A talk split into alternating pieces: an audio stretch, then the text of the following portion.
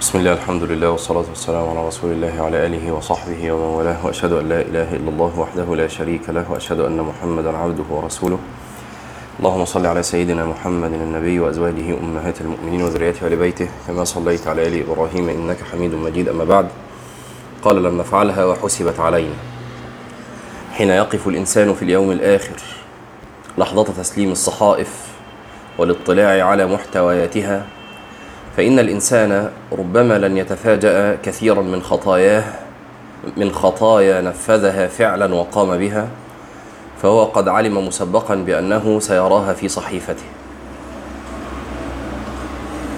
الحقيقة يعني اليوم ده كله مفاجآت يعني لن يتفاجأ لا يعني هذا اليوم هو يوم المفاجآت. فنسأل الله السلامة.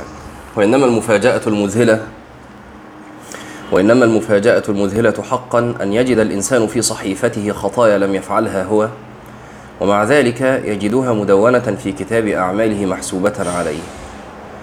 ربما يجد الإنسان في صحيفته خطايا لعشرات الأشخاص بل ربما لمئات الأشخاص بل ربما لملايين الأشخاص وكلها مجدولة في صحيفة سيئاته وسيحاسبه الله عليها. حسنا من أين جاءته هذه الأعمال التي لم يعملها وكيف حسبت عليه خطايا لم يفعلها هو. استمع إلى هاتين الآيتين العجيبتين اللتين تكشفان عن حقيقة عن عن الحقيقة المخيفة. ليحملوا أوزارهم كاملة يوم القيامة ومن أوزار الذين يضلونهم. وقال تعالى ولا يحملن أثقالهم وأثقالا مع أثقالهم. يا الله كم من كلمة نطقنا بها في مجلس من المجالس وقلنا فيها على الله بغير علم فتأثر بها أحد الجالسين فتجرأ على المعصية فصارت خطيئته في صحائفنا ونحن لا نعلم. وكلما كرر معصيته تكررت في صحائفنا.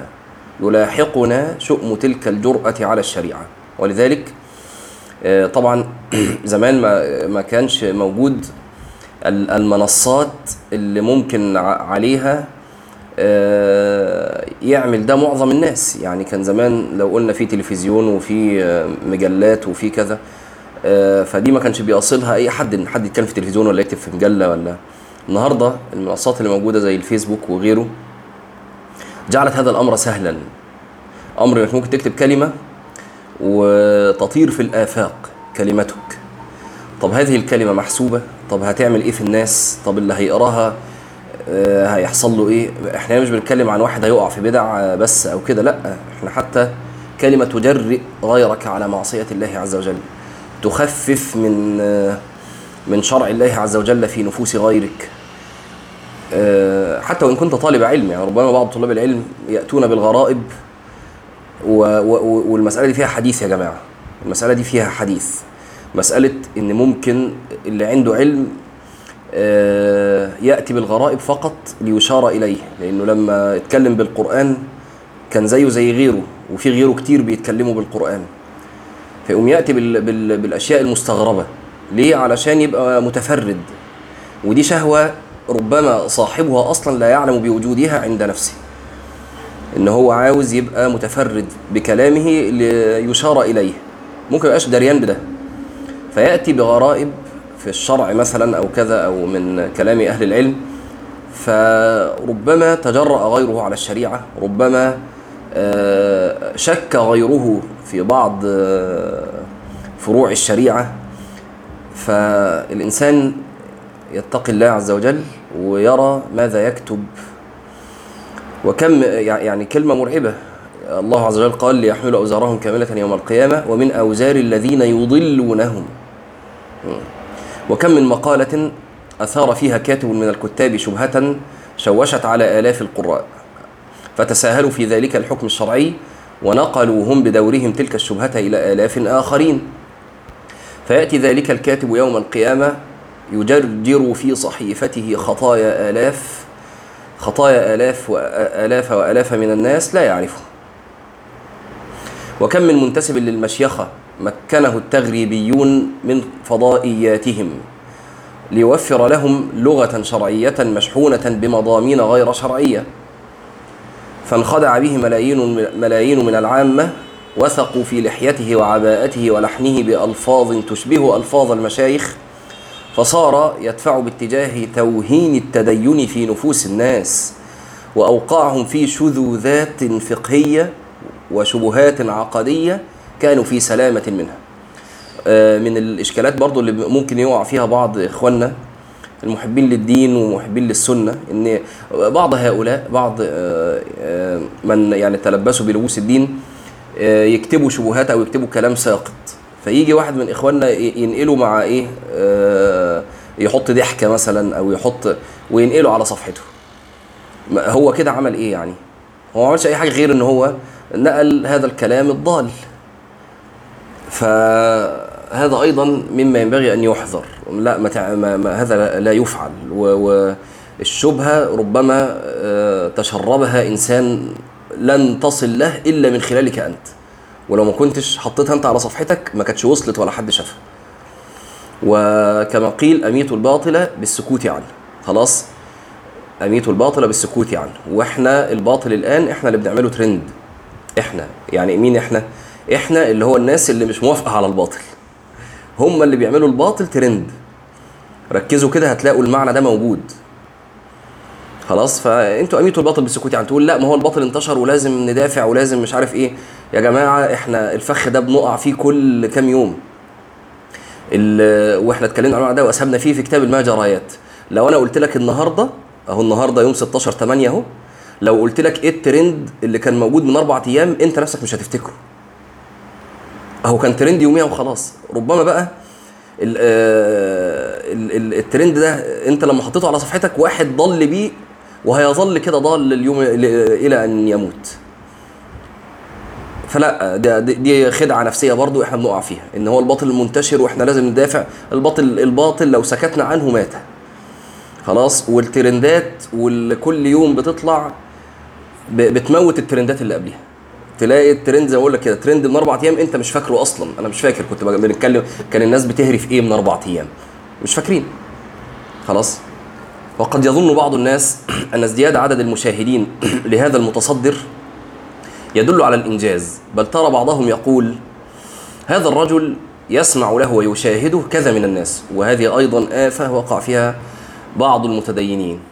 إنه ابتدى يقيس آه، علم المتصدر للدعوة حتى لو ما كانش آه، منهجه ضال لا. يعني حتى لو واحد على السنة وكل حاجة داعيه إلى الله عز وجل عارف كلمتين ويطلع يقولهم للناس. فابتدى يقيس علم الناس بعدد المتابعين. ودي فتنة من فتن العصر يا جماعة. من فتن العصر آه، ال- ال- التكثر بالمتابعين. وإن الواحد يبتدي يملأه ال- العجب بنفسه لمجرد إن بي على صفحته كذا وكذا. سواء بقى على الفيس أو على اليوتيوب أو على غيره. هذه فتنة فتنة عظيمة جدا. وكمان ال- ال- الشباب المساكين اللي بيبتدوا يجعلوا ده مقياس لل- للعلم. يعني إيه مقياس للعلم؟ جميل إن الإنسان يكون داعية إلى الله عز وجل وجميل ولعله من القبول إن ربنا سبحانه وتعالى آه، آه، يجعل آه، على صفحته كذا وكذا من الناس ربما ملايين. الإشكال فين هنا؟ يعني ده كله جميل وكل ده لو حسنت النية وجاهد نفسه في يعني آه، التخلص من آفات هذه هذه الشهرة فكل ده جميل وحلو. فين المشكلة؟ المشكلة في الأتباع اللي لما يشوفوا على صفحة فلان مليون ولا 2 مليون فيبقى ده أعلم من فلان اللي على صفحته مفيش غير 200 واحد. فلو فلان اللي على صفحته 2 مليون قال كلمة وفلان اللي على صفحته 200 واحد قال كلمة آه، تضاد هذه الكلمة أو في مسألة فقهية أو مسألة شرعية فطبعا مين اللي كلامه يصدق؟ اللي على صفحته 2 مليون. وده ما هوش مقياس علم ولا, ولا مقياس أي حاجة في الحتة دي خالص. ده الإشكال عشان بس نبقى الكلام واضح. ده الإشكال. في إشكالات تانية آه بس دي بقى للمتصدر نفسه فدي مش وقتها ولا مجالها هنا. إنما ال الإشكال اللي يعنينا إحنا الناس المساكين اللي زينا كده إن إحنا نعرف نقدر أو أو نعرف المقاييس الحقيقية لقياس العلم. مين أعلم من مين؟ دي ملهاش دعوة بمين ده بيسمع له كام وده بيسمع له كام أو ده على صفحته كام وده على صفحته كام. قال وقد يظن بعض الناس أن ازدياد عدد المشاهدين لهذا المتصدر يدل على الإنجاز بل ترى بعضهم يقول هذا الرجل يسمع له ويشاهده كذا من الناس. ولا يعلم هذا المسكين أن زيادة الأرقام تعني زيادة عدد الضحايا. لا يعلم أن زيادة الأرقام تعني زيادة أوزار المضل المضللين التي ربما يحملها يوم القيامة. والله إن الإنسان آه، كان بيحصل لي كده حاجة يا جماعة. أنا طبعا آه، إيه يعني ال ال ال ال سواء على الفيسبوك أو غيره يعني أنا إيه م- مش حريص قوي على موضوع الإيه زيادة الأعداد دي. لم فكان بيجي كده من فترة لأخرى إني مثلا أكتب حاجة على الفيسبوك فلاقيها ابتدت تنتشر بشكل ده غير معتاد عندي يعني. يعني توصل بقى لألاف ال ال- ألاف الشير وكده يعني. فكنت بترعب وامسح ال- اللي أنا كتبته ده للمعنى ده. معنى إيه؟ إني قد أكون آه، غير موفق في كلمة أو كلمتين في في ال- في المنشور اللي أنا كاتبه ده. وأقلق جدا إن فاروح مسحه ليه؟ لأن في- معنى برضه تاني مهم يعني معنى آه الإنسان يفرح بإن اللي بيقوله ينتشر وربما يكون سبب في إصلاح الناس لكن برضه يترعب لازم يبقى جواه معنى الرعب والخوف. دعكوا الآن بقى من آفات الشهرة ومن آفات آه، التصدر و- دي ليها آفات ومش وقتها زي ما بقول يعني لأن المجلس ما هوش مجلس بنخاطب فيه دعاة. إنما المعنى الآخر إن ربما يعني لم تكن موفقا في كلمة أو كلمتين وأنت الآن تتكلم عن رب العالمين سبحانه وتعالى. أنت بتتكلم في دين. فكون إن ال- الموضوع ينتشر ده ما كانش بي كان بيقلقني برضو يعني زي ما ممكن أكون بفرح بيه لنوع إن ربنا سبحانه وتعالى آه، أراد إن هذا هذه الكلمة تنتشر لكن برضو كنت أخاف. قال والله إن الإنسان إذا جلس مع نفسه وأخذ يتذكر خطاياه أدرك أنها كافية أن توبق مستقبله الأخروي. فكيف إذا انضم إلى ذلك أن يحمل فوق ظهره معاصي أشخاص آخرين لا يعرفهم؟ والله إن الغبن كل الغبن. أن يرى المرء نفسه يوم القيامة يصطلي بنار جهنم لا لمعصية فعلها هو وإنما يعاقب على معصية فعلها غيره. إنها مجرد كلمة متهورة في حكم شرعي استحسنها المرء بذوقه وغفل عن تبعاتها المفتوحة. إذا كان الأمر بمثل هذه الخطورة فكيف غفلنا عنه؟ إنه الرين الذي غلف القلوب حتى غفلت عن فظائع وأهوال هي أقرب للمرء من شراك نعله. أخي الغالي والله إني لأحب لك ما أحب لنفسي. فيا ليتنا يا أخي الكريم إذا أثيرت في مجلس من المجالس مسألة شرعية أن نتلو في أنفسنا قول الله تعالى ليحملوا أوزارهم كاملة يوم القيامة ومن أوزار الذين يضلونهم. آه، يا جماعة فكرة إن إحنا نتكلم أصلا في مسألة شرعية بغير علم دعكم الآن من فكرة إن حد هي- هيضل بيها ولا ما حدش هيضل. دي في حد ذاتها مسألة خطيرة. لأنها تدخل في في التقول على الله عز وجل بغير علم. وقلت لكم قبل كده عنوان الكتاب الذي وفق فيه ابن القيم لما سماه إعلام الموقعين عن رب العالمين. انت لما تتكلم في دين في حلال وحرام كأنك بتوقع عن الله بتقول ربنا قوله في المسألة دي آه، إنها حلال وربنا قوله في المسألة دي إنها حرام. ال- المسألة خطيرة جدا. فقال وطبعا اللي بيحملنا بيحمل معظم الناس على إنه يتكلم حب الظهور. لو فتشت في نفسك لرأيت أن الله عز وجل قد كفاك هذا. قاعد في مجلس واحد بيسأل وأنت شايف إن في ناس ممكن ترد أو ما حدش هيرد. هو انت يعني هو انت يعني من نصبك لترد يعني؟ مين قال إن فلان ده هو اللي ربنا نزل مثلا منشور من السماء إن فلان ده هو من نصبته في الأرض ليرد على الأقوال وك... يا أخي سبحان الله أنت في عافية. فليه بتتصدر لمثل هذا؟ قال آه يبقى لو ده حصل وحسيت إن أنت آه هتقع في الفخ ده اطلق قوله تعالى ليحملوا أوزارهم كاملة يوم القيامة ومن أوزار الذين يضلونهم بغير علم. آه، واتلو قوله ولا يحمل ولا يحملن أثقالهم وأثقالا مع أثقالهم. فيا ليتنا نسلم من معاصينا. يعني كفاية البلاوي اللي بنعملها. فضلا عن أن نسلم من معاصي الآخرين. ثم آه، ذكر خاتمة. ما سبق كان نظرات وخطرات في بعض معاني الإيمان والتدين التي استعرضها القرآن وهي تدور حول استحضار الآخرة ولقاء الله والأحداث التفصيلية التي قصها القرآن. عما سيحدث في, في هذا اليوم القريب القادم. وما وصفه القرآن من قسوة بعض القلوب حتى تتفوق على الصخور. ويعني ذكر كل المسائل بال قال والله أعلم وصلى الله وسلم على نبينا محمد وآله وصحبه أجمعين. والحمد لله رب العالمين. نقرأ دقائق في كتاب التوهم. يقول الحارث آه، رحمه الله فتوهم نفسك.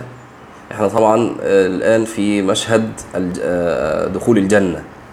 فتوهم نفسك أن عفى الله عنك في تلك الزحمة مبادرا مع مبادرين مسرورا مع مسرورين بأبدان قد طهرت ووجوه قد أشرقت وأنارت فهي كالبدر. قد سطع من أعراضهم كشعاع الشمس فلما جاوزت بابها باب الجنة وضعت قدميك على تربتها وهي مسك أذفر ونبت الزعفران المونع والمسك مصبوب على أرض من فضة والزعفران نابت حولها فذلك أول خطوة خطوتها في أرض البقاء بالأمن من العذاب والموت. يعني توهم يا جماعة توهموا يا جماعة هذه الخطوة الأولى. مرة فاتت توهمنا آه، فتح آه، أبواب الجنان فتبتدي تأتي النفحات وقلنا لكم زي الايه المكان المكيف اللي يتفتح وأنت داخل من حر بره. إزاي اللطشة الأولى دي ليها حلاوة كده. فتخيل بقى اللطشة الأولى كده من الإيه؟ من عبق الجنة وتلك ال- الروائح التي لم تشم قبلها مثلها قط قط في الدنيا. مفيش ريحة شبه ريحة واحدة في الجنة. فتخيل بقى هذه الروائح كلها آه، اختلطت في مشامك. النهارده بيقول لك توهم أول خطوة. أول خطوة ليك كده داخل من العرصة ورجلك اليمين داخلة بقت رجل جوه ورجل بره. وهذه الخطوة تحمل معان كثيرة. هذه الخطوة من المعاني يعني اللي, اللي, اللي, اللي, هجم على قلبي الحقيقة. الآن معنى اللي هو خلاص ارتحنا. المعنى ده جميل برضه يعني فكرة إنك هي دي أول خطوة للجنة. خلاص بقى مفيش لا شقاء ولا عذاب ولا كبد ولا منغصات. ارتحنا خلاص راحة خلاص. فده معنى. المعنى الثاني وكأني عقولنا وقتها بتجول في ما سنراه يعني كأننا متشوفين بقى. يعني أنت أول خطوة بتخطوها دي توهم المعنى ده إنك داخل مكان والمكان ده أنت سمعت عنه كتير لكن ما شفتوش لسه. وبعدين رحت المكان ده وانت بقى متشوف تشوف فعمال ذهنك عمال يجول كده في إيه يا ترى اللي هشوفه؟ طبعا أنت ذهنك في الجنة مع أول خطوة وأنت عمال ذهنك بيجول مهما تخيلت فهتدخل تلاقي غير اللي أنت تخيلته. فكأن برضه في أول خطوة دي ال- الأذهان شاردة فيما ستراه داخل الجنة. وبرضه من المعاني اللي هجم عليا في, في هذه الخطوة هي هجم عليا دلوقتي يعني أنا وأنا بقرأ كأني ب- يعني إيه بتوهم هذا فكرة إن مع أول خطوة كأن برضه الأذهان ذهبت إلى ابعد إلى أبعد من ذلك. وهو لقاء الله عز وجل. وقطعا لن يدخل الجنة إلا محب لله سبحانه وتعالى. وإنما قطعت يعني هذه الأهوال يوم القيامة بحب الله سبحانه وتعالى. فهؤلاء هم المحبون.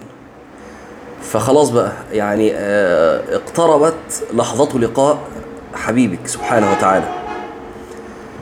فكأن برضو العقول وقتها يعني إيه آه، مشغولة بهذا اللقاء. آه، يعني معاني كتير الحقيقة لو وقفت تفكر في في أول خطوة دي وتتوهمها يعني آه فيها معاني كتير. قال فذلك أول خطوة خطوتها في أرض البقاء. وده معنى تاني هو هذه أول الخطوات في أرض البقاء. خلاص مفيش موت. بالأمن من العذاب والموت.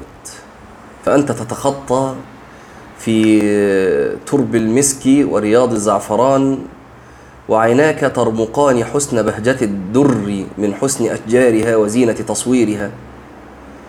فبين أنت تتخطى في عرصات الجنان في رياض الزعفران وكثبان المسك إذ نودي في أزواجك وولدانك وخدامك وغلمانك وقهر وق وقهارمتك إن فلانا قد أقبل. آه تنده بقى على خدامك وفلان جه فأجابوا واستبشروا لقدومك كما يبشر أهل الغائب في الدنيا بقدومه. كما قال علي بن أبي طالب رضي الله عنه فبينما أنت تنظر إلى قصورك إذ سمعت جلبتهم وتبشيشهم فاستطرت لذلك فرحا. فبينما أنت آه، مسرور بغبطتهم لقدومك لما سمعت إجلابهم فرحا بك إذ ابتدرت القهارمة إليك. وقامت الولدان صفوفا لقدومك. فبينما أتت القهارمة مقبلة إليك إذ استخف أزواجك للعجلة فبعثت كل واحدة منهن بعض خدامها. طبعا هم إيه؟ حور مقصورات في الخيام. وقاصرات الطرف فهن قاصرات مقصورات. قاصرات الطرف يعني على أزواجهن. ما ما بتبصش غير ليه ومقصورات قاعدين في الإيه؟ فبعثت كل واحدة منهن بعض خدامها لينظر إليك مقبلا. ويسرع بالرجوع إليها بقدومك لتطمئن إليه فرحا. وتسكن إلى ذلك سرورا. فنظر, فنظر إليك الخدم قبل أن تلقاك قهارمتك. ثم بادر رسول كل واحدة منهن إليها فلما أخبرها بقدومك قالت كل واحدة منهن لرسولها أنت رأيته من يعني متأكد يعني أنت رأيته من شدة فرحها بذلك. ثم أرسلت كل واحدة منهن رسولا آخر. فلما جاءت البشارات بقدومك إليهن لم يتمالكن فرحا. فأردنا الخروج إليك مبادرات إلى لقائك لولا أن الله كتب القصر لهن في الخيام إلى قدومك كما قال مليكك آه، حور مقصورات في الخيام. الأخوات اللي متعودين يتنططوا في الشوارع ويشوفوا البيوت حبسة. هذا الوصف وصف رضيه الله عز وجل للحور العين. خلاص؟ فدع كنا بقى من إيه؟ من دعوات التغريب المنتشرة ودع كنا من هذا.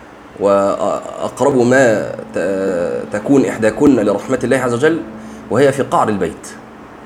وانظروا إلى وصف النبي صلى الله عليه وسلم. في قعر دارها في القعر في يعني كأني في أبعد حتة عن الايه عن عن الخروج والبروز يعني. فوضعنا أيديهن على عضائد أبوابهن وأذرع وأذ وأذرعهن برؤوسهن. ينظرن متى تبدو لهن صفحة وجهك فيسكن طول حنينهن وشدة شوقهن إليك وينظرن إلى قرير أعينهن ومعدن راحتهن وأنسهن إلى ولي ربهن وحبيب مولاه مولاهن. فبين أنت ترفل في كثبان المسك ورياض الزعفران وقد رميت ببصرك إلى حسن بهجة قصورك إذ استقبلك قهارمتك بنورهم وبهائهم فاستقبلك أول قهرمان لك فأعظمت شأنه وظننت أنه من ملائكة ربك. فقال لك يا ولي الله إنما أنا قهرمانك. وكلت بأمرك ولك سبعون ألف ولك سبعون ألف قهرمان سواي. ثم تتابع ثم تتابعه القهارمة ببهائهم ونورهم. كل يعظمك يعظمك ويسلم عليك بالتعظيم لك.